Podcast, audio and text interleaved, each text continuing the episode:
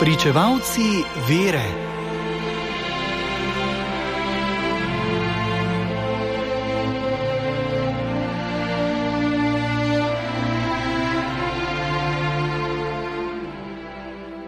Današnji godovnjak, sveti Egidiot svetega Jožefa, nam dopoveduje, da je svetost, kateri smo kot Jezusovi učenci poklicani, vsem dosegljiva.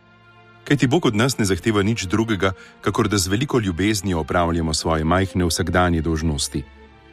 Frančiškanski brat Egidi je bil dolgo samostanski kuhar in svoje delo je opravljal tako zvesto in natančno, tako skromno in ljubeznivo, kakor bi bila služba kuharja najvišja služba v samostanu. Potem so ga predstojniki postavili za samostanskega vratarja. Kot vratar je brat Egidi prihajal v stik s preprostimi in imenitnimi ljudmi, z bogatimi in revnimi. Vse je sprejemal s tako prisrčnim spoštovanjem in s tako sveto ljubeznijo, da je šla k malu po mestu Neapelj vest: Frančiškani imajo v svojem samostanu za vratarja svetnika. Zvesto se je držal načela, da sprejme Kristusa, kadar sprejme najmanjšega izmed njegovih bratov.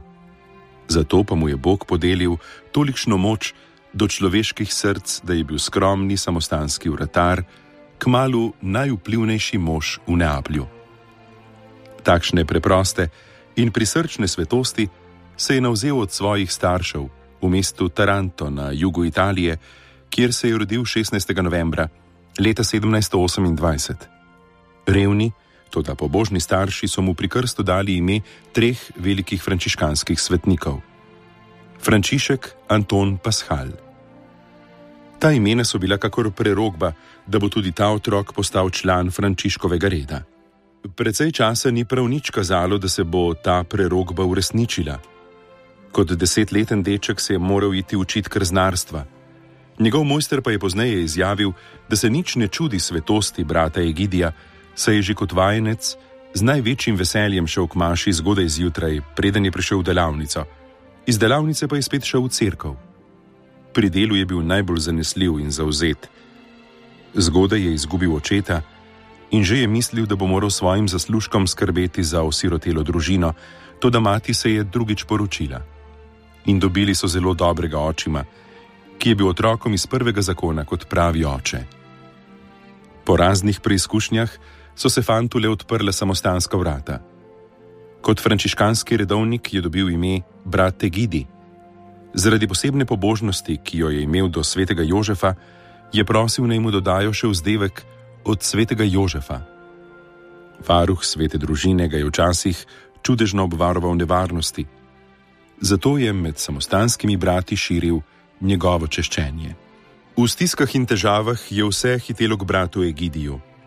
Tudi ministri, člani kraljevske družine so pri njem iskali na svet in se mu priporočali v molitev.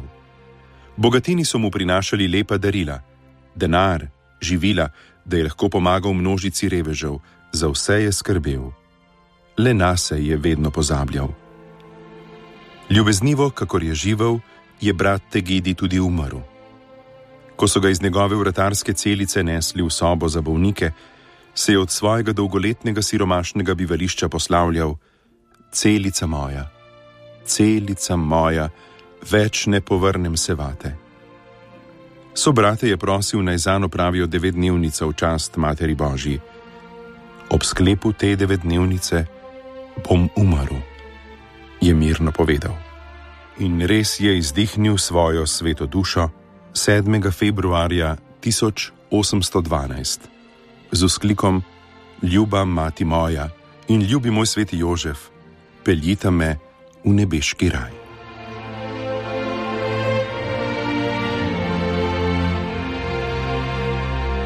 Brali smo iz knjige Svetnik za vsak dan, ki jo je napisal Silvestr Čuk.